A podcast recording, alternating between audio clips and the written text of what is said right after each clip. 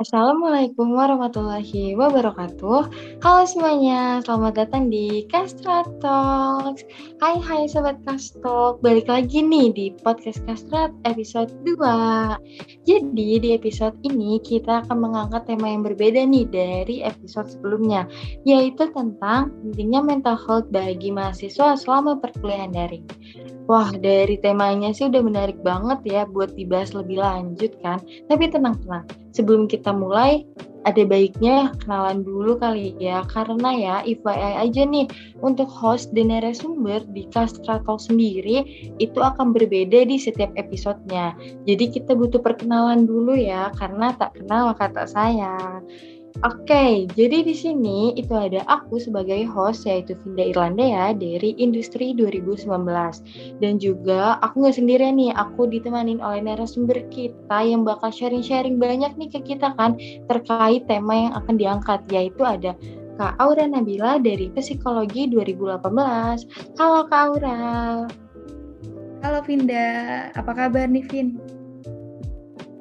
Alhamdulillah baik banget sih Kak. Gimana nih Kak Aura kabarnya? Sehat-sehat kan ya? Alhamdulillah baik juga. Semoga sehat selalu ya Vin. Iya, kakak juga sehat selalu dan semoga nih ya Sobat Kastok juga sehat selalu ya.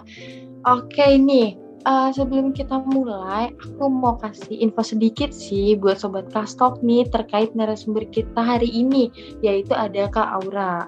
Nah, Kak Aura sendiri itu merupakan salah satu dari mahasiswi psikologi angkatan 2018 yang saat ini berkuliah di Universitas Islam Indonesia dan sedang berada di semester 7. Nah, selain itu, untuk Kak Aura sendiri juga sedang menjabat loh sebagai Ketua DPM dari Fakultas Psikologi dan Ilmu Sosial Budaya periode 2021-2022.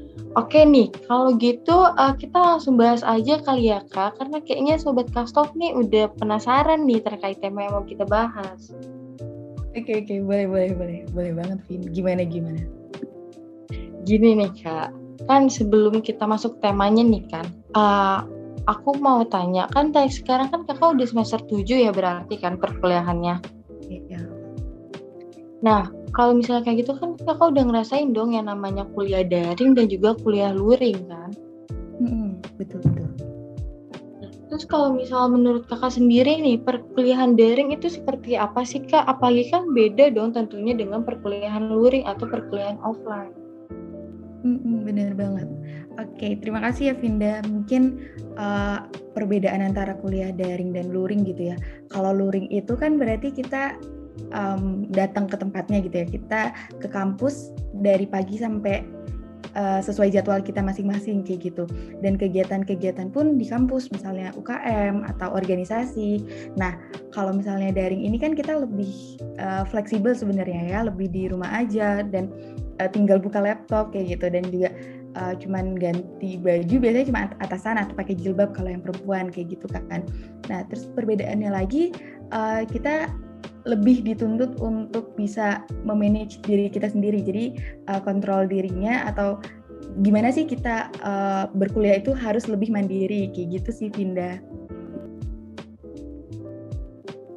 Oh oke, okay. berarti simpelnya tuh kalau misalnya daring kita di atas kasur aja kali ya kak. Kalau luring kan kelas nih kan, jalan-jalan kan, pindah-pindah gitu. Nah, terus nih Kak, kan dari uh, aktivitasnya aja tuh udah beda banget kan ya, luring sama daring kan. Daring itu kita lebih stay, sedangkan luring tuh bener-bener kita jalan gitu kan. Nah, kalau misalnya perasaannya nih yang Kakak rasain selama kuliah daring itu seperti apa sih Kak? Baik dari segi positif maupun negatifnya. Oke, okay, thank you Vinda. Mungkin di sini aku disclaimer dulu ya uh, Vinda dan teman-teman. Kalau misalnya ini dari sudut pandangku gitu. Uh, karena kan pasti setiap orang bakal beda-beda nih pendapatnya dan juga perasaannya kayak gitu.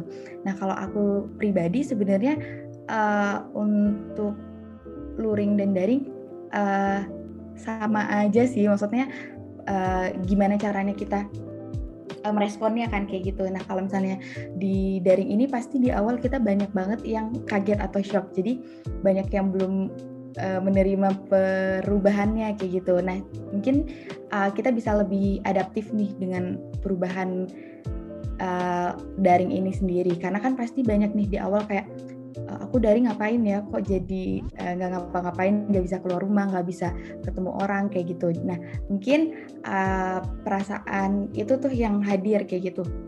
Nah sebenarnya itu tuh hal yang wajar karena kita bakal uh, apa melewati tahapan-tahapan gitu sampai kita bisa uh, menerima sesuatu kayak gitu. Dan itu wajar selagi memang tidak merugikan siapa pun kayak gitu kan. Jadi kalau misalnya emang kita shock dan kita ngerasa kok berubah ya? Karena emang berubah kayak gitu kan. Keadaannya berubah jadwal kita pasti akan berubah terus juga uh, intensitas kita ketemu orang bakal berubah terus gimana kita ketemu orang juga berubah kan pakai masker terus uh, jaga jarak kayak gitu sih Vin. Jadi lebih ke hal-hal perubahan itu yang uh, pasti dirasakan sama kita semua.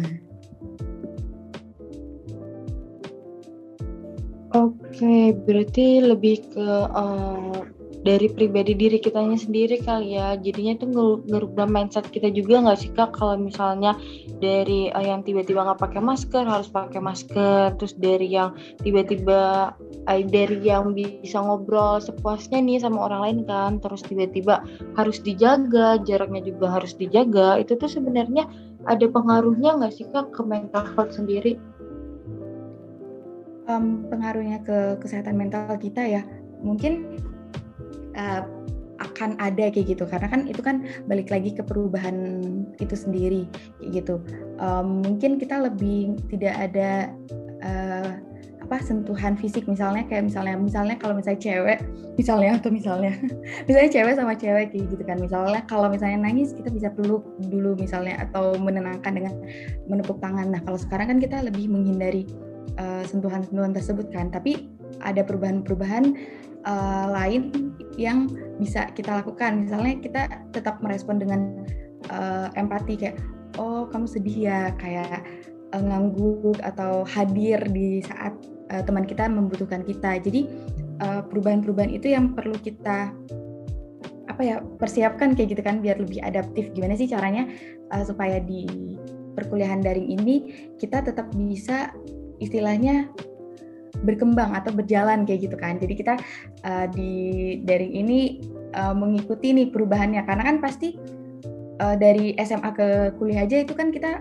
mengalami perubahan ya, tapi kita akhirnya bisa pada akhirnya kita bisa mengikuti perjalanan perkuliahan ini gitu kan. Jadi harapannya pas di daring ini kita juga bisa nih mengikuti gimana sih uh, suasana yang perlu kita hadapi saat ini kayak gitu Vinda. Oh, oke oke. Berarti itu lebih ke yang uh, kita sebenarnya lebih kebutuh waktu aja nggak sih Kak buat bisa berdamai kan sama sistem perkuliahan daring ini kan? Betul, betul banget Vinda. Uh, aku jadi inget nih kemarin uh, aku sempat dengar juga dari dosenku gitu ya.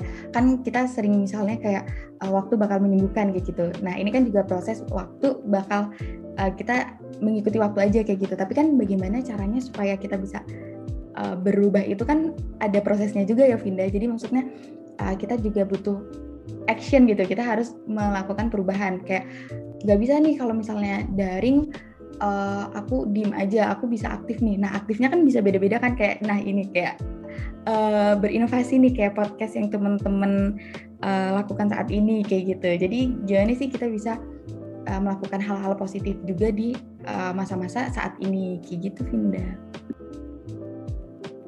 Iya bener banget sih kak, aku juga setuju kalau misalnya uh, walaupun ini kita lebih terbatas ya untuk kegiatannya, tapi kan tetap ya kita juga harus bisa lebih produktif nggak sih kak?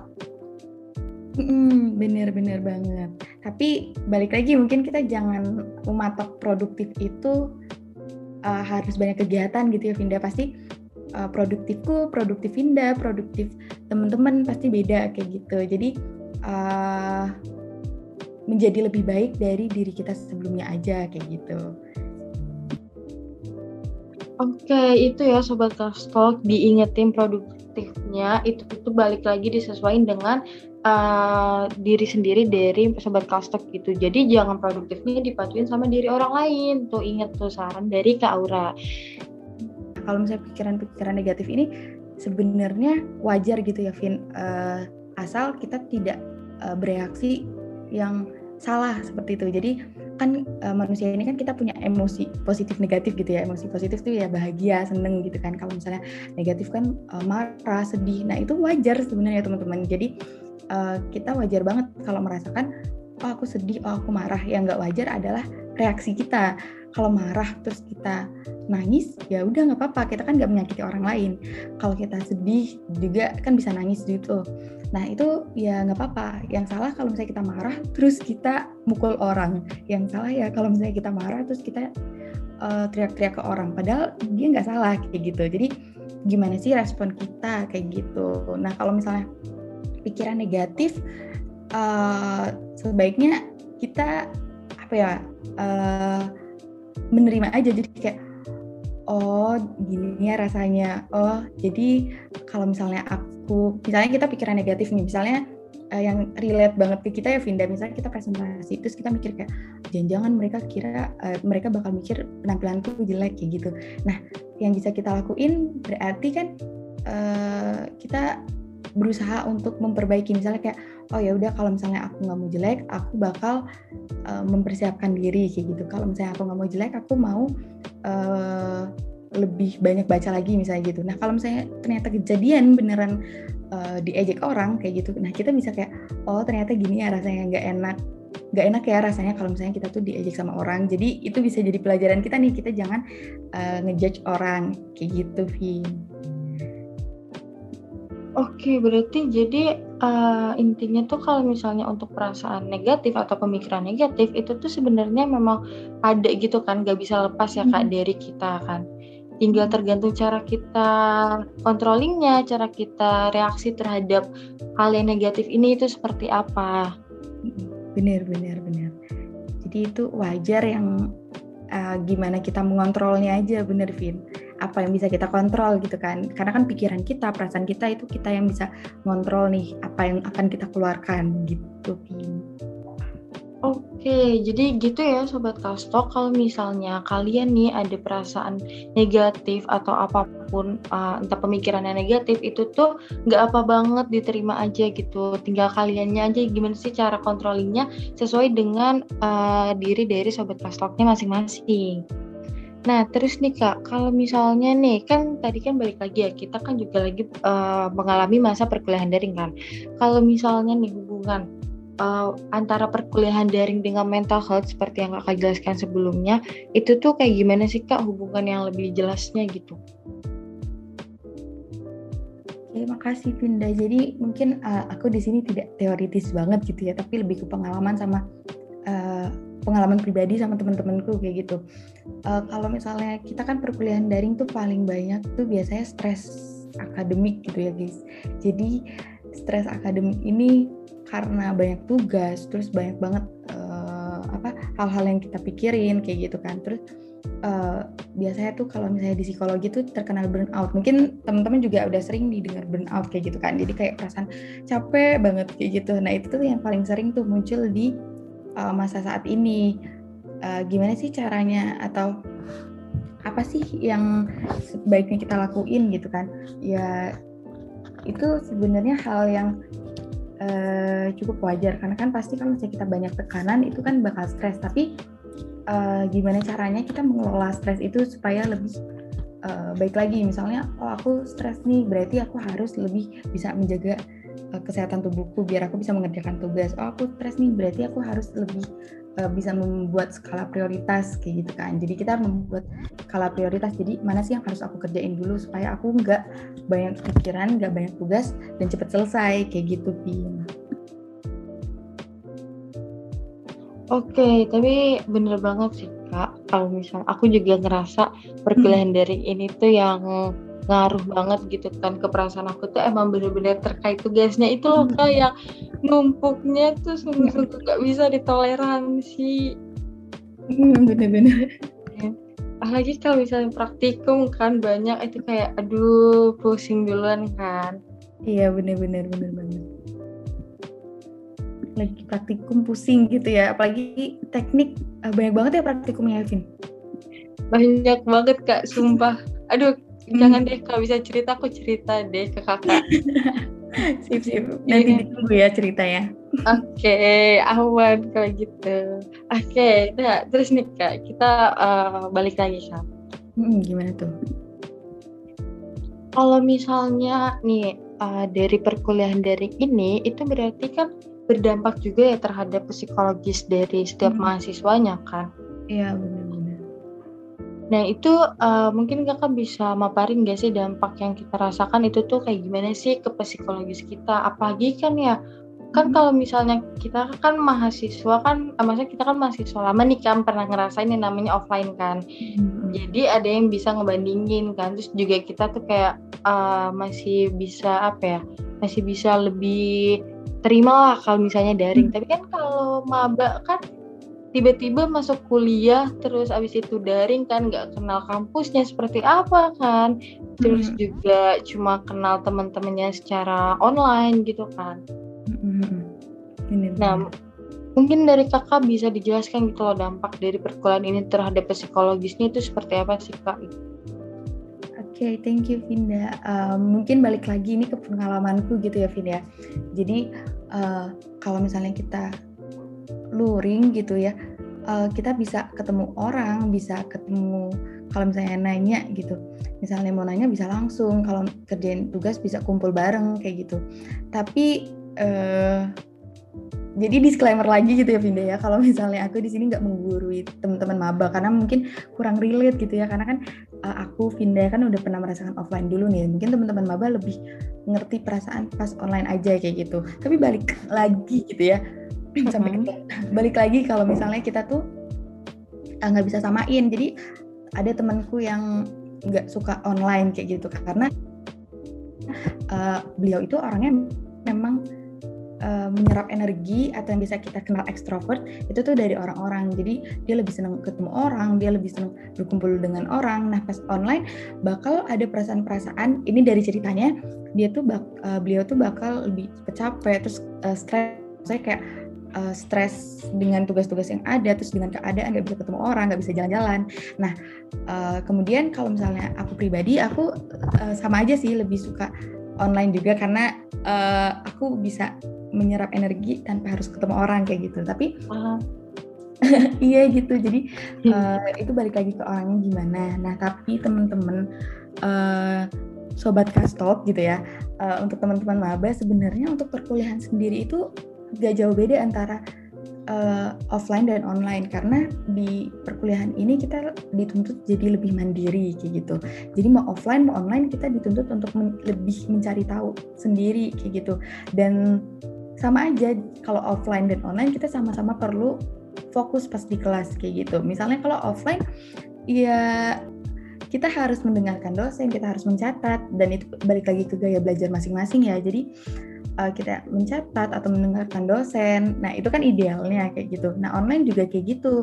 Kita uh, mencatat, kita mendengarkan, kita fokus, nggak main HP kayak gitu. Nah, mungkin bedanya adalah kita pas offline bisa ketemu temen, bisa ngobrol bareng, dan itu komunikasinya lebih cepat kayak gitu. Tapi pada dasarnya sama aja kalau di dunia perkuliahan ini, kita sama-sama menuntut uh, kemandirian untuk belajar kayak gitu. Jadi untuk sobat kastok apalagi yang maba gitu nggak perlu apa ya namanya kayak aduh aku eh, nggak uh, pernah ke kampus nggak apa-apa. Nanti insya Allah bakal ada waktunya. Kalau saya enggak uh, ya kapan-kapan main ke kampus iya, gitu ya. Iya bener ke kampus sendiri aja gitu. Kan dibuka nggak sih ke kampus UI gitu kan?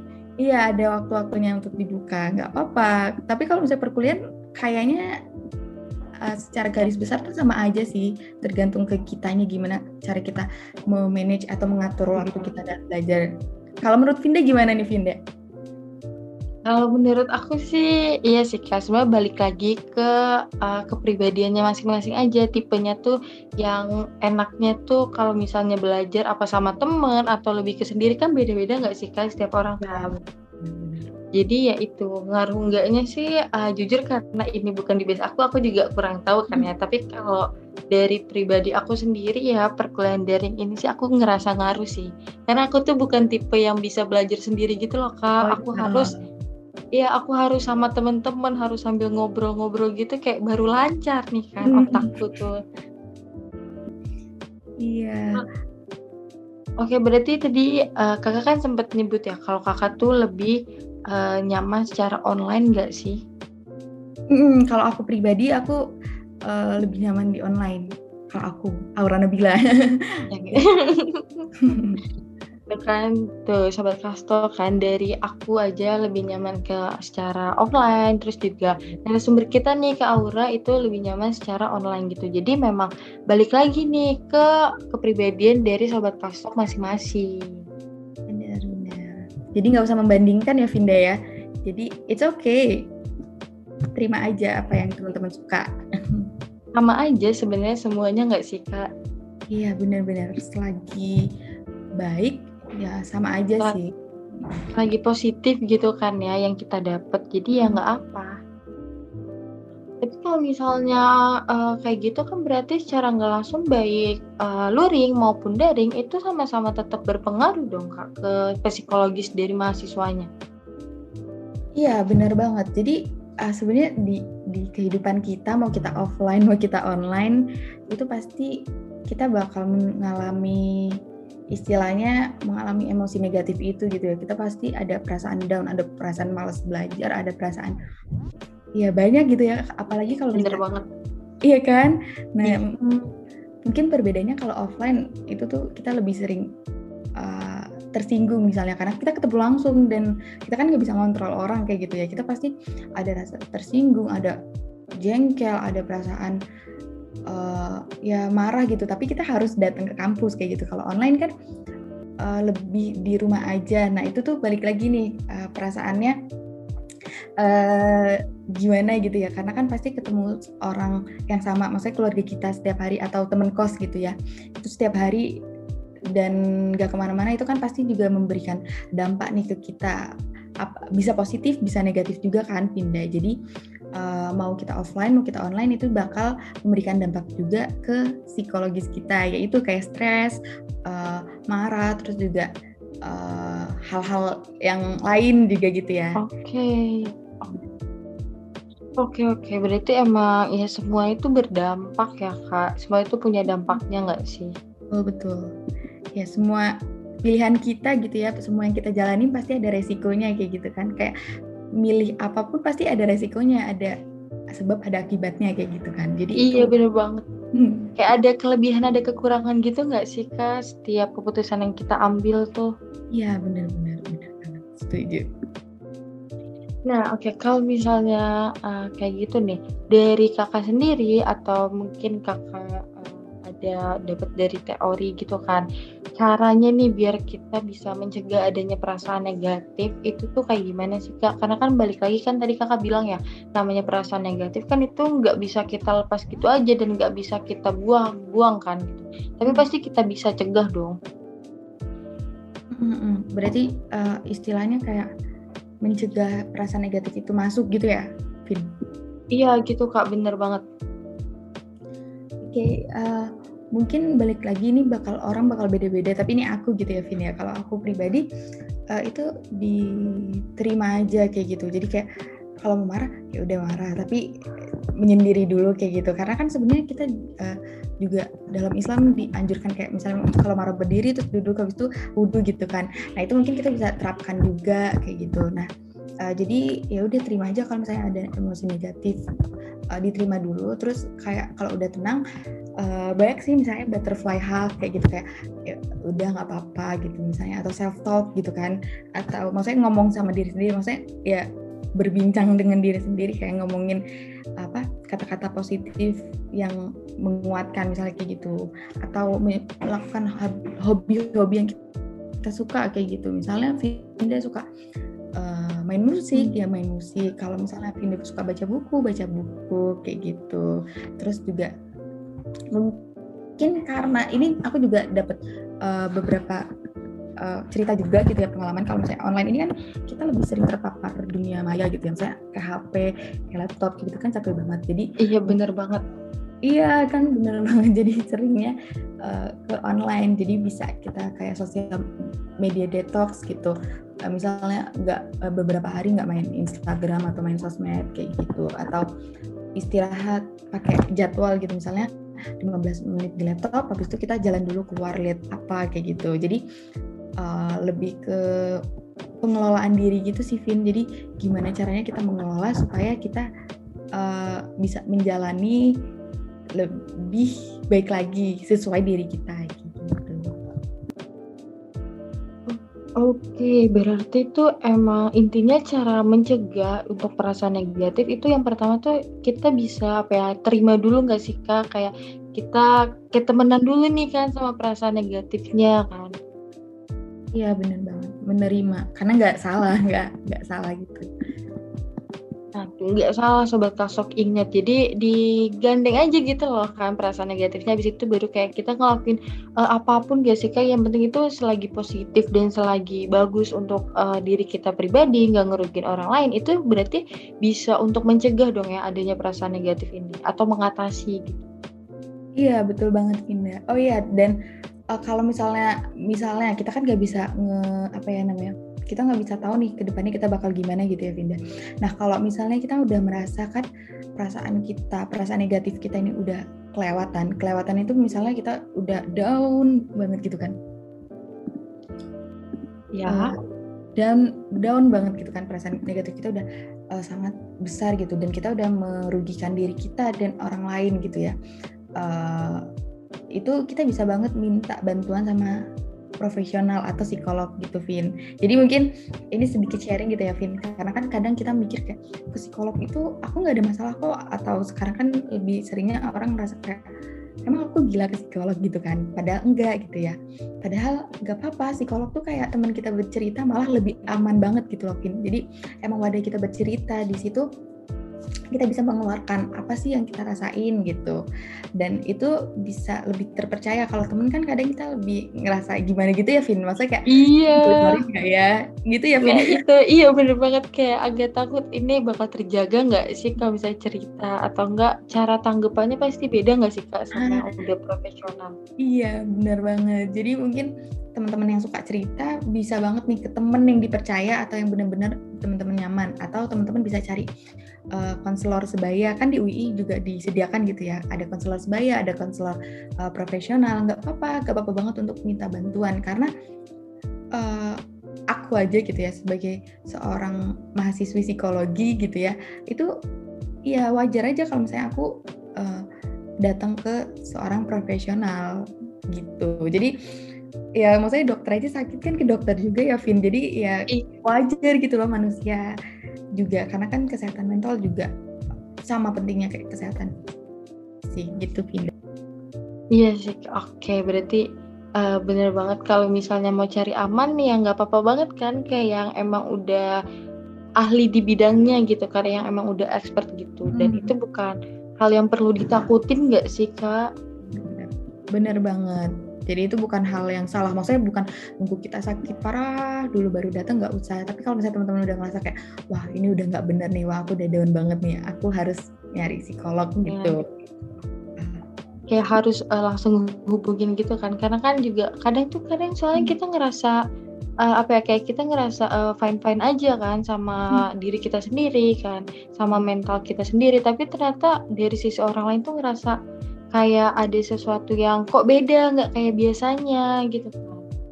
Bener kalau kayak berarti kan kalau kayak gitu uh, kita juga harus ini dong kak apa ya minta bisa nggak sih kita kayak minta pandangan dari orang lain nih terkait sifat kita terkait sikap kita gitu apakah dari mereka tuh ngerasa berbeda atau enggak gitu. Karena kan dari situ juga kita bisa tahu kayak oh berarti uh, sekarang kayaknya waktunya untuk udah mulai ke cerita ke yang lebih expert nih kan udah mulai harus dikontrol secara langsung gitu Hmm, bisa bisa bisa Vin. Jadi uh, balik aja sih tergantung sama siapa yang kita tanya pendapatnya kayak gitu kan Vin. Jadi kalau dari kita sendiri kan sebenarnya kita ada kayak apa namanya lingkaran-lingkaran pertemanan itu kan Vin yang paling deket sama kita siapa, yang nggak terlalu deket siapa kayak gitu. Dan itu balik lagi kira-kira kita udah siap belum sih untuk menerima kritikan atau menerima saran dari temen kita itu kayak gitu. Nah kalau misalnya uh, kadang kan ada yang menurut dia kayak gitu padahal kita nggak kayak gitu. Ada juga yang menurut dia kayak gitu ya emang kita kayak gitu. Jadi ada wilayah-wilayah uh, yang kita tahu orang lain nggak tahu atau kita nggak tahu orang lain tahu. Tapi itu uh, sedikit tricky juga gitu ya Vin. Jadi kadang kita bingung nih ini bener apa enggak sih kayak gitu. Jadi mungkin lebih ke dijabarin aja. Jadi misalnya uh, aku gitu dikasih tahu oh kamu gini gini coba ditulis dulu aja. Terus kita tanyain ke teman kita yang lebih deket gitu.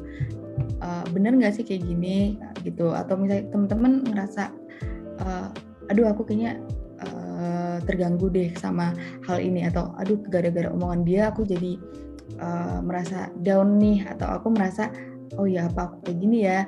Dan itu udah menyakiti diri teman-teman. Jadi misalnya jadi males kuliah jadi males ngomong sama orang nah itu mungkin boleh banget nih nanya uh, atau konsultasi konseling gitu ke uh, konselor sebaya dulu misalnya. Baru nanti ke psikolog itu juga boleh gitu Vin.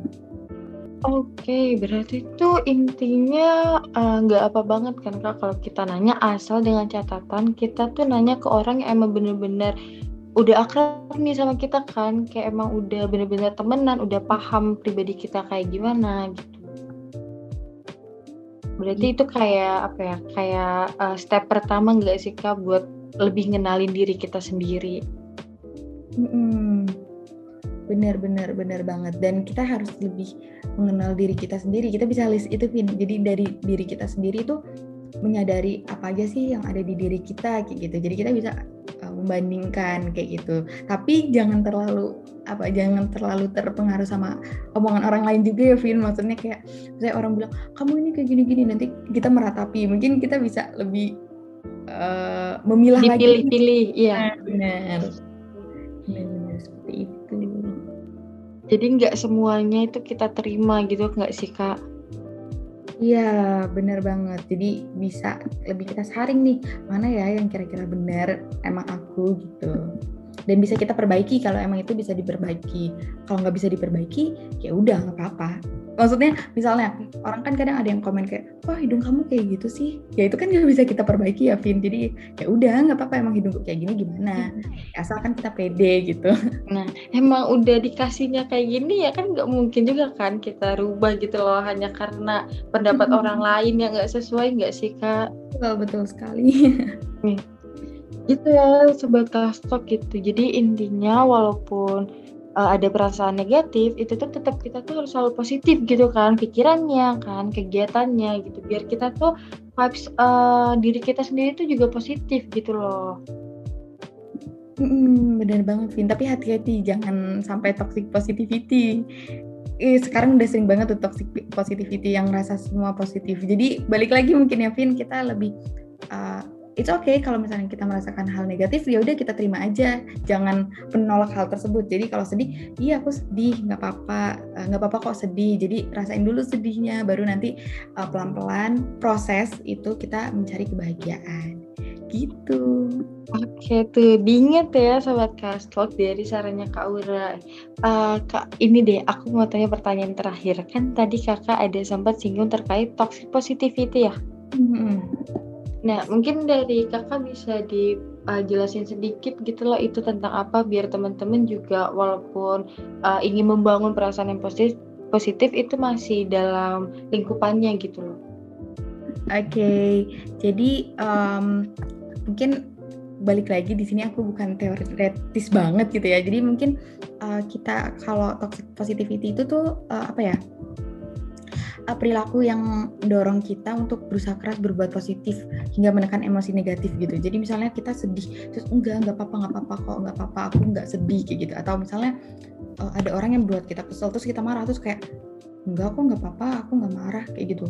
Jadi kita enggak enggak sadar kalau kita tuh marah, padahal wajar kita marah. Ya misalnya Vinda gitu ya, misalnya aku atau Vinda dikatain uh, jelek ya pasti marah kayak gitu kan. Ya sebagai manusia kita marah kayak gitu kan. Tapi uh, kita merasa oh enggak nggak apa-apa kok. Iya emang aku jelek. Itu kan malah jadi gimana gitu kan. Kita malah merasa oh nggak apa-apa kok kamu ngejek aku nggak apa-apa gitu. Itu kan uh, kita kayak membenarkan gitu kan. Tapi gimana? Oh iya aku marah kayak gitu misalnya. Oh iya aku marah karena uh, dia ngejek aku berarti aku nggak boleh ngejek orang kayak gitu. Gitu. Jadi uh, kita menerima nih kalau misalnya kita emang marah kita sedih misalnya kita gagal ya pasti sedih gitu kan pasti kecewa. Jangan ngerasa kayak nggak apa-apa gitu. Mungkin uh, kita terima dulu nih sedihnya iya aku sedih ya udah nggak apa-apa ya kalau misalnya mau sedih gitu. Tapi gimana sih supaya kita bisa bangkit lagi gitu. Jadi uh, tetap menerima perasaan negatifnya itu sih Vin lebih jujur sama diri kita. Gitu. Oke okay, semua ini ilmu baru banget sih kak jujur buat aku. Apalagi kan kadang masih banyak gak sih orang yang kayak nggak apa gitu loh.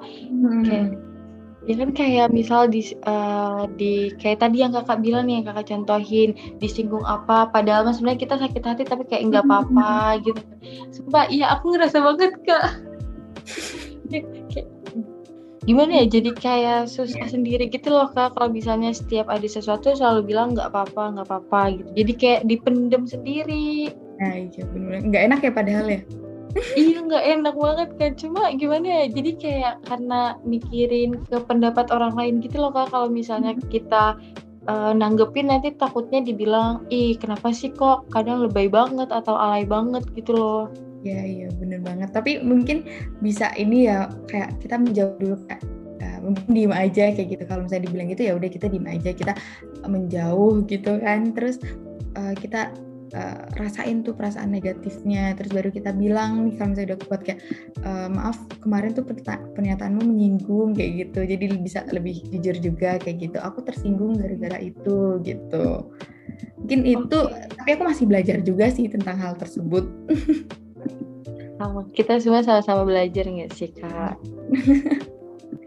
Berarti uh, si toxic positivity ini tuh timbul karena kita yang nggak mau nerima tentang uh, perasaan negatifnya atau hal-hal negatif gitu ya kak? Betul, kita terlalu terlalu menganggap apa ya? Kita menekan emosi buruk yang keluar gitu loh. Jadi oh, kita nggak boleh jadi istilahnya gampangnya tuh kita nggak boleh marah, kita nggak boleh nangis, kita nggak boleh sedih, nggak bagus itu nggak bagus gitu.